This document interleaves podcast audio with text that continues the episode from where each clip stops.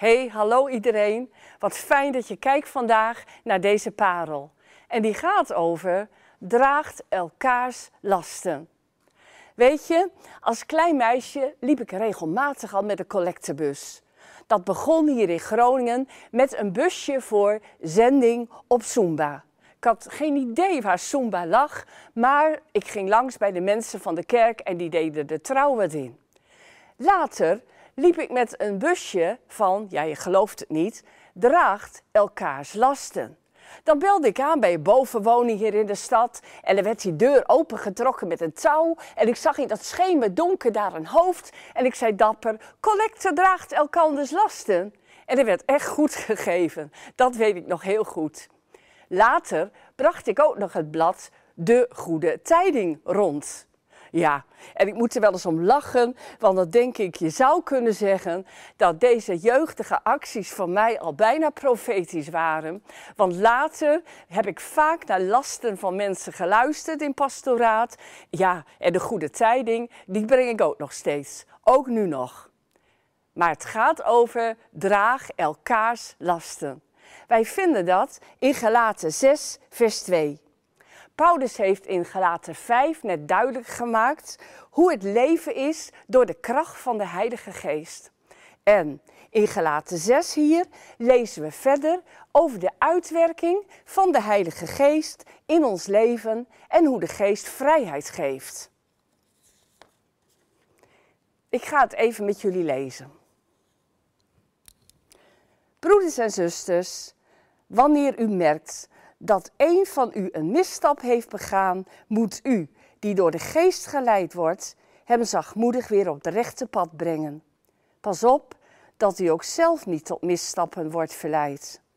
Draag elkaars lasten. Zo leeft u de wet van Christus na.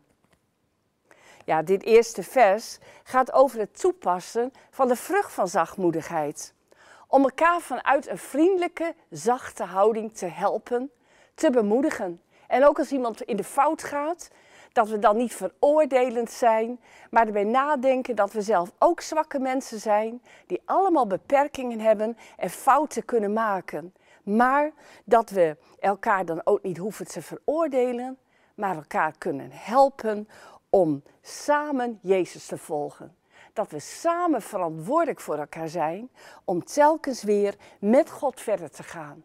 Ik vind dat zo mooi. En dan zegt Paulus, zo leef je de wet van Christus na. Er is een heel groot verschil van voor je bekering en na je bekering. We horen dat ook zo prachtig weer in de doopdiensten, in de getuigenissen die geweest zijn. En de getuigenissen die je hoop ik ook gedeeld hebt binnen je community of met iemand anders. Dan weet je dat je leven veranderd is door de ontmoeting met de Heer Jezus. En zo mogen wij gewoon ook verlangen om samen Gods wil te doen en samen om te zien in liefde naar elkaar. Ik wil drie voorbeelden uit de Bijbel noemen waarin verantwoordelijkheid voor elkaar wordt genomen, om elkaars lasten te dragen en elkaar te ondersteunen in het leven. En ik noem dan drie L's. Niet drie keer ik, maar drie keer de letter L.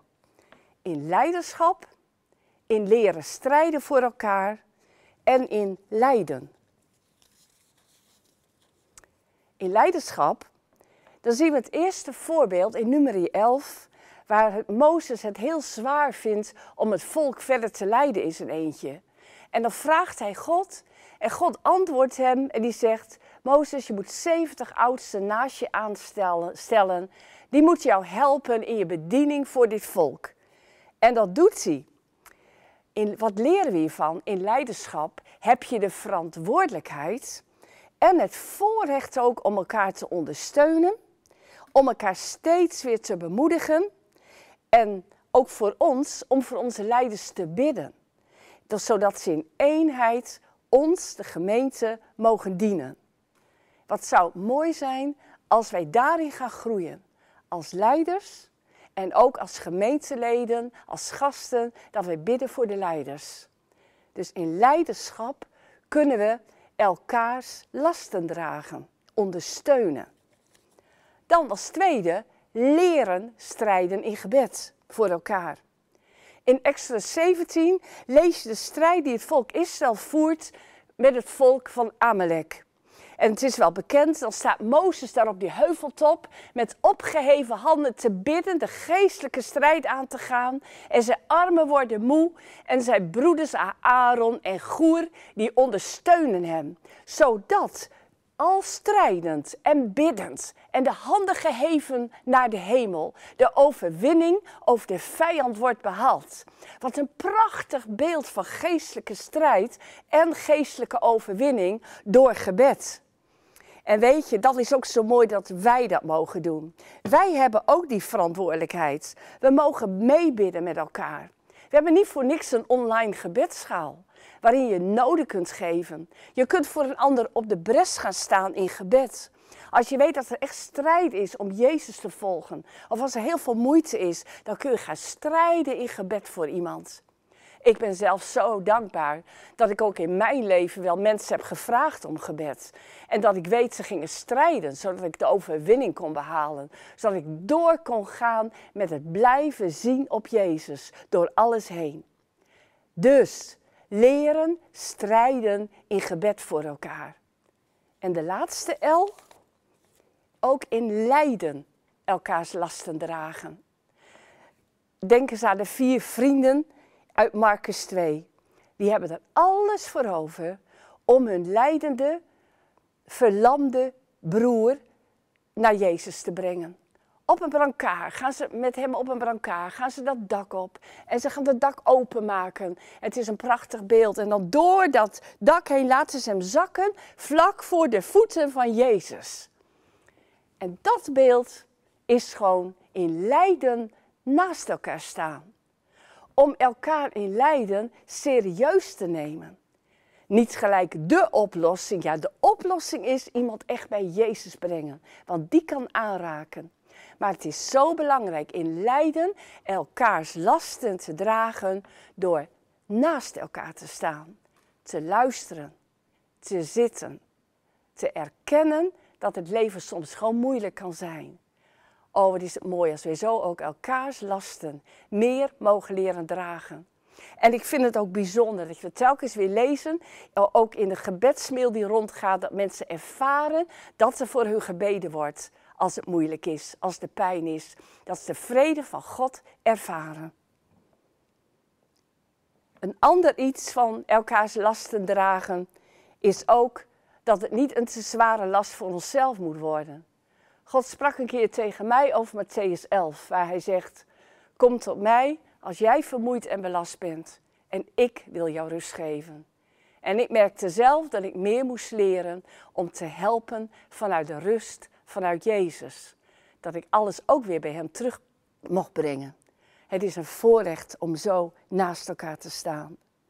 En wat is dat prachtig om zo als gemeente samen op te trekken. Als broers en zussen zo elkaar liefde van Jezus mogen betonen.